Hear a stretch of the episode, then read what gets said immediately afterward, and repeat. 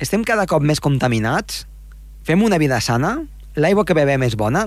De tot això en parlarem avui al programa Torb, que té relació amb el clima, el canvi climàtic i tot el que ha de venir de cara a aquests propers anys. Comença el Torb.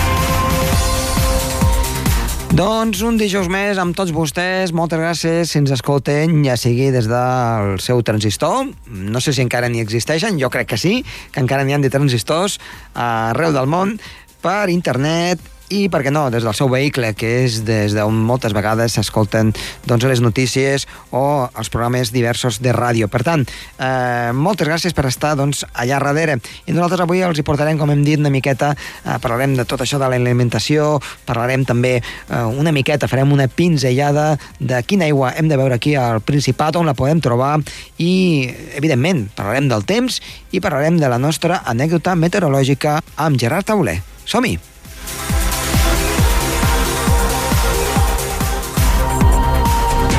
El torn amb Josep Tomàs.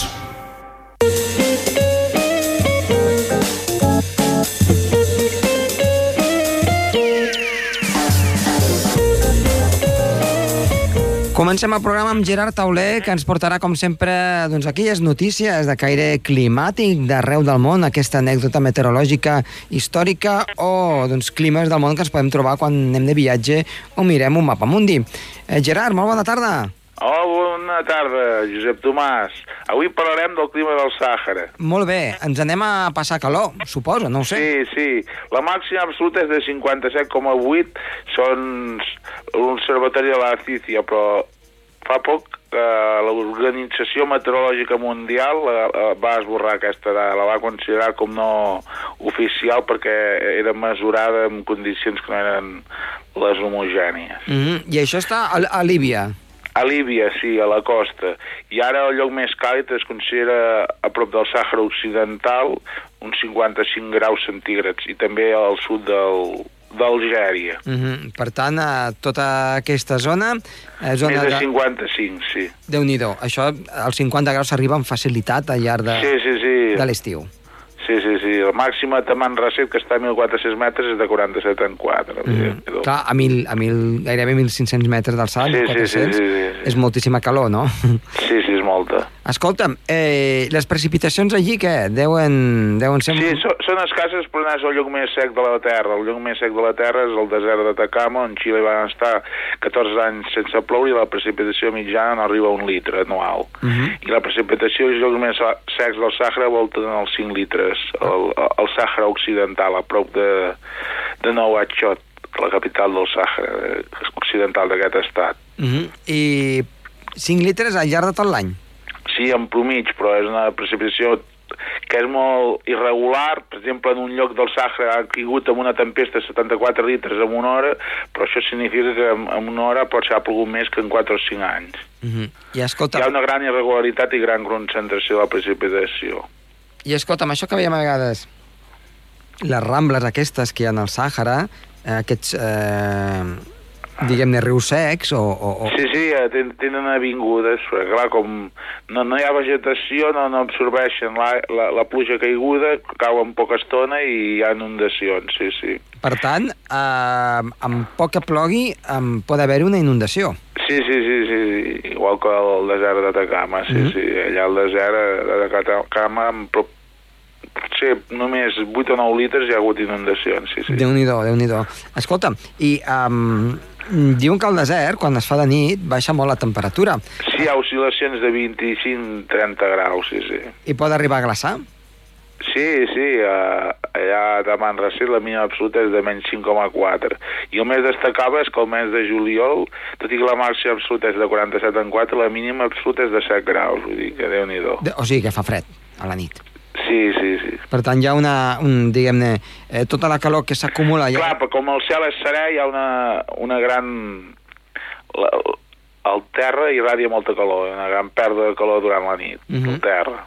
I per tant hi ha un, un, un contrast de temperatures entre, entre el Sí, dia sí, i a la nit. més l'aire és molt sec, això també facilita la, que s'escapi molta calor de l'aire, ai, del terra a l'aire. Perquè a vegades hem vist moltes pel·lícules o reportatges doncs, que a la nit del Sàhara doncs, es fa un foc, no?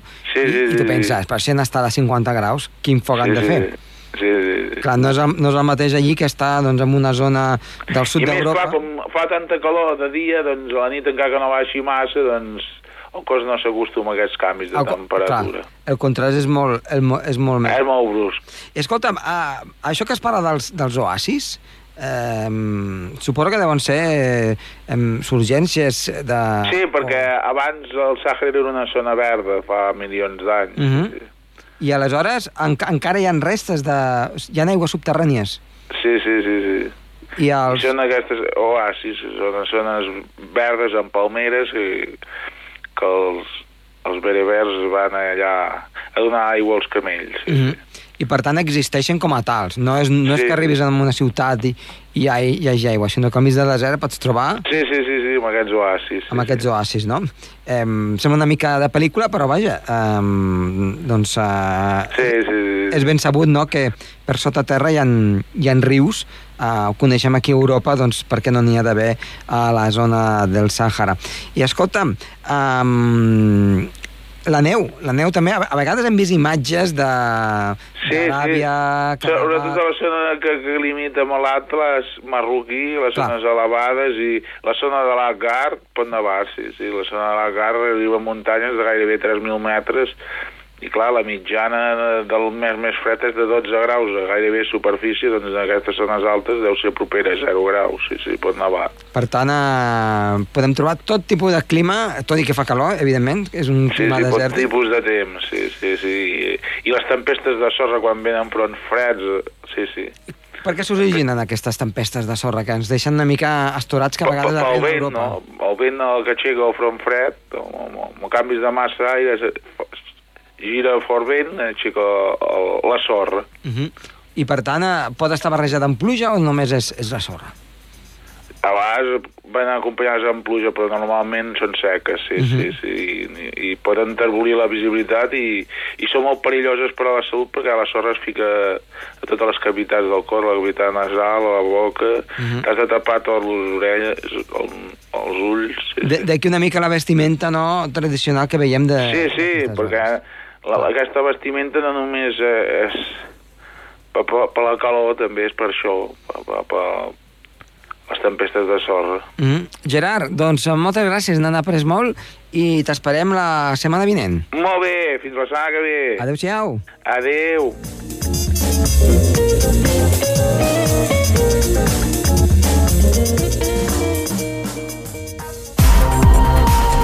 El Torn, amb Josep Tomàs.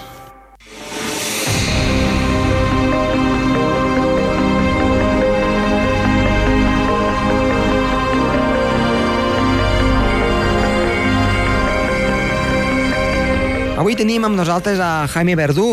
Ell és eh, meteoròleg aficionat, però també doncs, una mica eh, contempla l'estil de vida diferent al que som la majoria de persones, una vida doncs, eh, més sana, i precisament d'això volem parlar avui, que té molta referència amb el que és doncs, el clima, eh, la contaminació i, tot, i sobretot l'alimentació, com aquesta eh, doncs, contaminació doncs, fa que l'alimentació que tenim avui en dia i que està relacionada també amb el clima, doncs eh, visquem una mica pitjor, tot i que no ens ho pensem. Eh, Jaime, molt bona tarda i moltes gràcies per estar una vegada més aquí amb nosaltres. Buenas tardes, Tomás, y gracias a vosotros por darme esta oportunidad. Doncs eh, el que volem parlar, hem parlat moltes vegades sobre el clima, sobre els núvols, eh, sobre els chemtrails, mm, un munt de temes. Avui volem agafar doncs, eh, una altra vessant, que també està relacionada, evidentment, amb, amb la climatologia, amb la meteorologia, però com això influeix en, el nostre, en la nostra manera de viure. I sobretot si hem donat una mica a l'esquena al que és la naturalesa que doncs, eh, segles enrere teníem doncs, eh, molt més a prop que no pas avui en dia, per exemple, en una ciutat. Efectivamente, Tomás, eh, muchas cosas han cambiado en estos últimos 50 o 60 años y todos estos cambios han hecho que nuestra vida cada vez tenga menos, eh, eh, menos calidad en muchos aspectos. Tanto psicológicamente como físicamente estamos afectados por este estrés, por esos alimentos de, de baja calidad nutricional. Eh, todo se hace en, en, en, en aras de, de, un beneficio económico y en muchos casos la calidad de las cosas, eh, que el humano tenga bienestar, etcétera, etcétera, queda en un segundo plano. Y fíjate en la alimentación, por ejemplo, que tú ya sabes que soy naturista, eh, sabemos que a partir de los años 60 la agricultura y la ganadería, incluso la pesca, dejaron de ser sostenibles, eh, dejaron de ser orgánicas o naturales. La revolución verde introdujo las semillas híbridas, los agroquímicos, los fertilizantes, los insecticidas.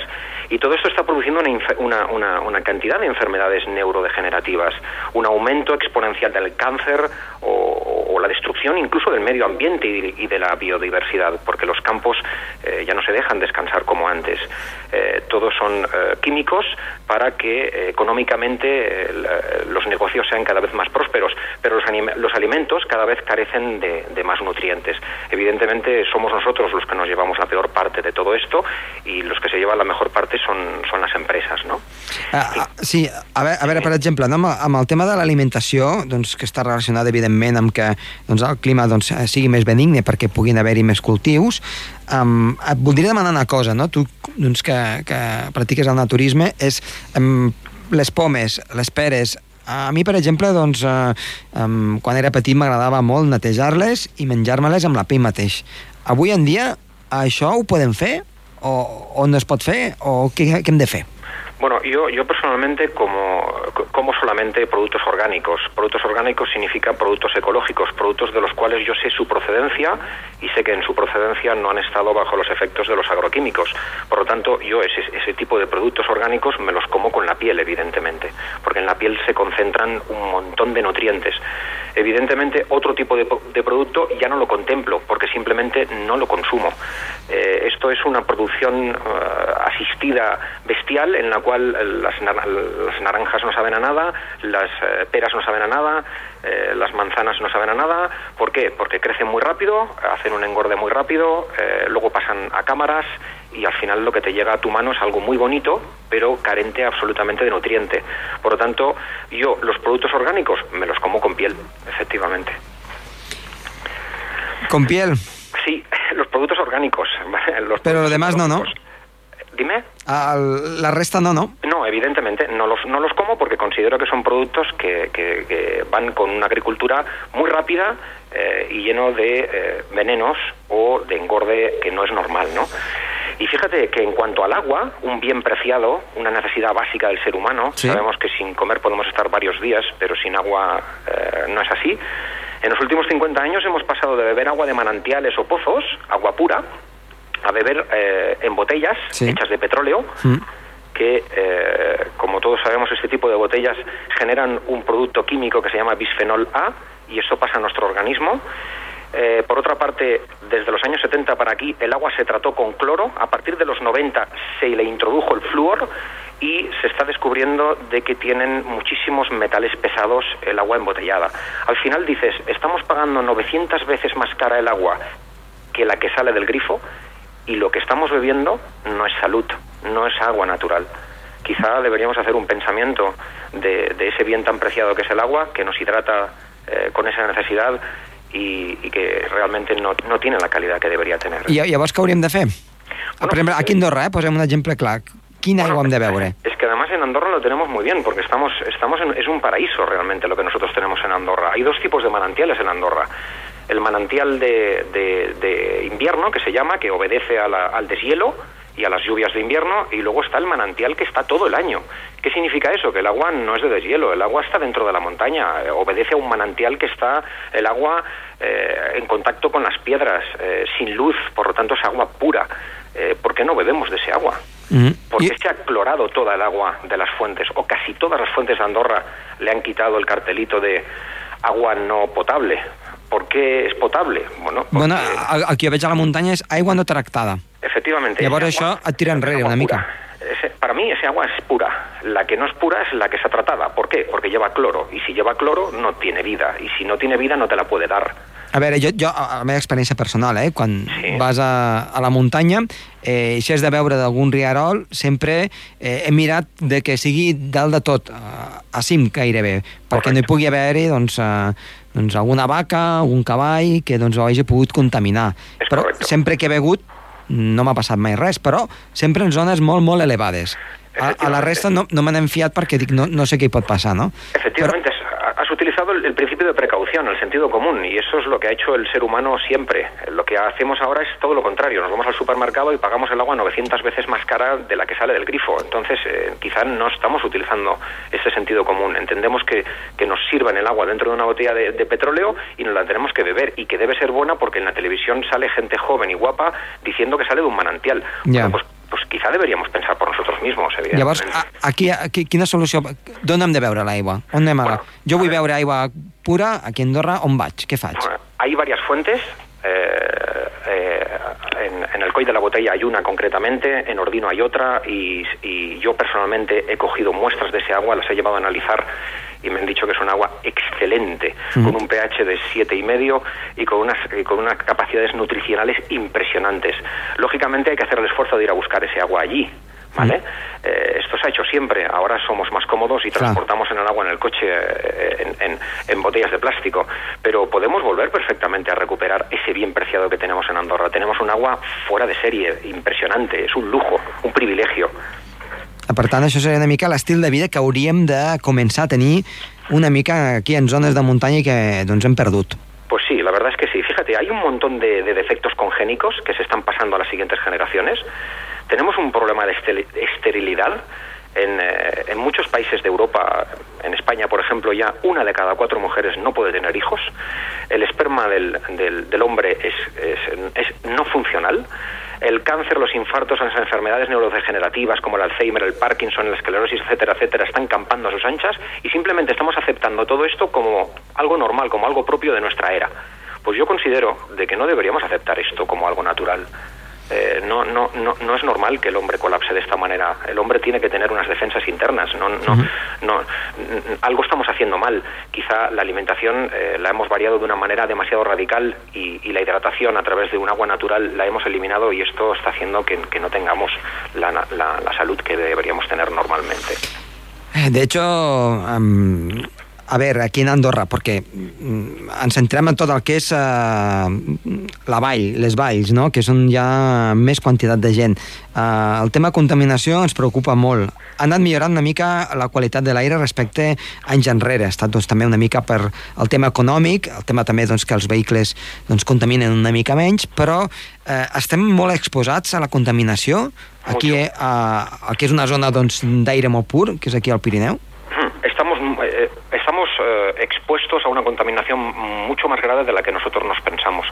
En el año 2002 se cerró el hor- el horno in- incinerador de la, de la Comella porque excedía en mil veces eh, los límites que decía la Organización Mundial de la Salud eh, en cuanto a contaminación. Se hizo una reforma y bueno, eh, eh, sigue contaminando, porque no, no está quemando a 1200 grados, sino a 800 grados. Entonces, está, está emanando una contaminación que no es normal. Pero es que aparte de eso tenemos las radiaciones electromagnéticas, y te hablo de las wifi, el 3 y 4G. Nunca el humano antes había estado bajo la influencia de, de este gigantesco microondas en el cual estamos viviendo. Hay muchos países, sobre todo en el norte de Europa, que tienen extremadamente prohibidas las wifi en los colegios para el desarrollo eh, mental y físico de, lo- de los, de los jóvenes. Y nosotros aquí ponemos wifi en todas partes. Sí, claro. Entonces, eh, vamos, vamos hacia un eh, crecimiento tecnológico y no estamos teniendo en cuenta el bienestar del, del ser humano. Y toda esta contaminación que tenemos, aparte, es, la de los coches. Eh, tenemos tantos coches como habitantes en Andorra, y a esto le llamamos progreso y desarrollo.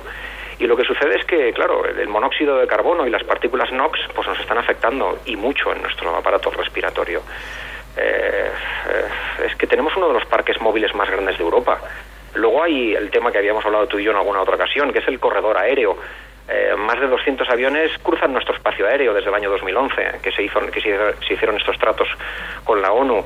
¿Y qué, qué provo- qué provoca esto? Pues un, un impacto medioambiental impresionante, acústico, contaminante, porque recuerdo que los aviones no van con agua, van con queroseno. Eh, se modifica el clima, se producen nubes artificiales, eh, esto hace que la, que, que la agricultura eh, se vea afectada. Hay unos niveles de, de, aluminio en la tierra muy por encima de lo, de lo, normal.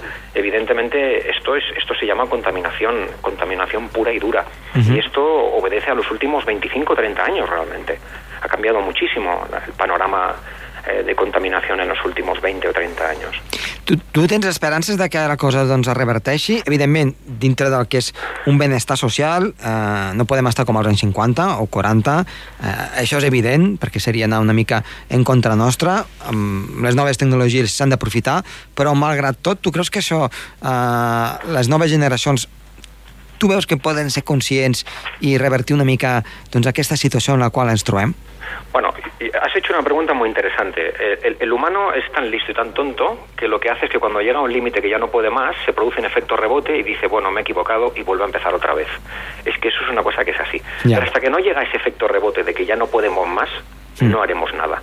Porque hay tantos intereses creados y sobre todo económicos que evidentemente la conciencia y la ética o la moralidad quedan siempre en un segundo plano. Siempre lo que, lo que manda es el capital. Entonces, ¿qué pasa? Que vivimos un, en un mundo de estrés, de angustia, de, de, en el cual la felicidad ha quedado eh, relegada a la nada. Eh, estamos confundidos, aturdidos, eh, yo qué sé, patologías mentales en muchos casos. ¿Por qué? Porque trabajamos 8, o 10 horas de trabajo con muchísimo estrés, no tenemos contacto con la naturaleza, eh, se favorece una vida totalmente insalubre, incluso mentalmente. Hay muchísimas personas que no se encuentran bien. Entonces, cuando esto llegue a un punto en que llegamos a, a pues yo qué sé, al final de la escalera, que digo yo, pues evidentemente supongo que cada uno de nosotros pues empezaremos a tomar decisiones por nuestra cuenta. Yo ya las tomé ya hace unos años, uh -huh. porque lógicamente, pues digo, pues si no me encuentro bien, pues es que estoy haciendo algo mal. Pues yo supongo que como sociedad actuaremos un poco, un poco así, ¿no? Y yo hago un, un llamamiento a la conciencia en general nuestra, ¿no? O sea, estamos contaminando nuestro propio planeta, nuestra propia tierra, al final eh, pagaremos las consecuencias, las estamos pagando las consecuencias, ¿no?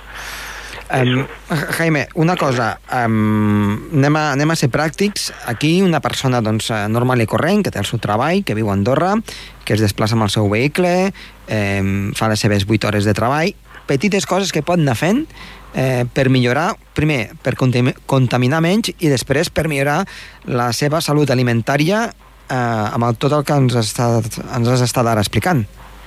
Bueno, eh, eh, utilizar el sentido común, básicamente. Si algo no funciona, hay que cambiarlo. Esto es, un, eso, eso es una máxima de, de, ser inteligente, de que el ser humano debe ser inteligente. Si algo no funciona, debemos cambiarlo. Si estamos llegando al final del camino y, y, y, no, y no, funciona lo, lo, lo, que estamos haciendo, simplemente tenemos que cambiarlo, si no vamos a ir a peor. Entonces tenemos que buscar un estilo de vida fisiológico, intentar alimentarnos, por ejemplo, orgánicamente, intentar dedicar más tiempo a la salud. Y cuando digo a la salud, fíjate lo que te voy a decir, no me refiero a la competición. ¿Qué yeah. es la competición? Hacer 50 kilómetros en un día corriendo, para mí personalmente, eso no es salud. Eso, eso, no tiene ningún sentido. Eso se llama competición. Eso produce más estrés y más desgaste eh, físico y neurológico incluso que salud. Entonces lo que tenemos que utilizar es el sentido común. Eh, tener tiempo libre para tener expansión. Evitar las zonas contaminadas pues yo qué sé, por decirte algo, ¿tenemos tiempo libre? Bueno, pues porque no nos vamos a la montaña a respirar aire puro en vez de al centro de la ciudad a respirar eh, partículas NOx? Sí. ¿Me explico? Es simplemente un, un cambio de paradigma. Es, es, es, que, es que a veces tenemos las herramientas en nuestra mano para poder vivir mejor y simplemente lo que pasa es que no nos paramos a pensarlo. Pero vivimos en un país muy bonito, es un valle excepcional eh, podemos conseguir encontrar eh, zonas verdes en las cuales podemos pasar un día fabuloso en compañía de, de, nuestros seres queridos o amigos y, no tenemos por qué estar eh, expuestos a, contaminación, ¿no? Es un asunto de, y vuelvo a decir, de, de, sentido común, sin más, de hacer un cambio cultural, de hacer un cambio mental o un cambio de paradigma, ¿no? Doncs Jaime, seguirem els teus consells i doncs t'emplacem un altre dia perquè vinguis aquí al programa a explicar-nos, com sempre, els teus uh, consells sempre savis. Moltes gràcies, Jaime. Fins la propera. Gracias a vosotros. Hasta la próxima. Adéu-siau. Adiós. Adiós.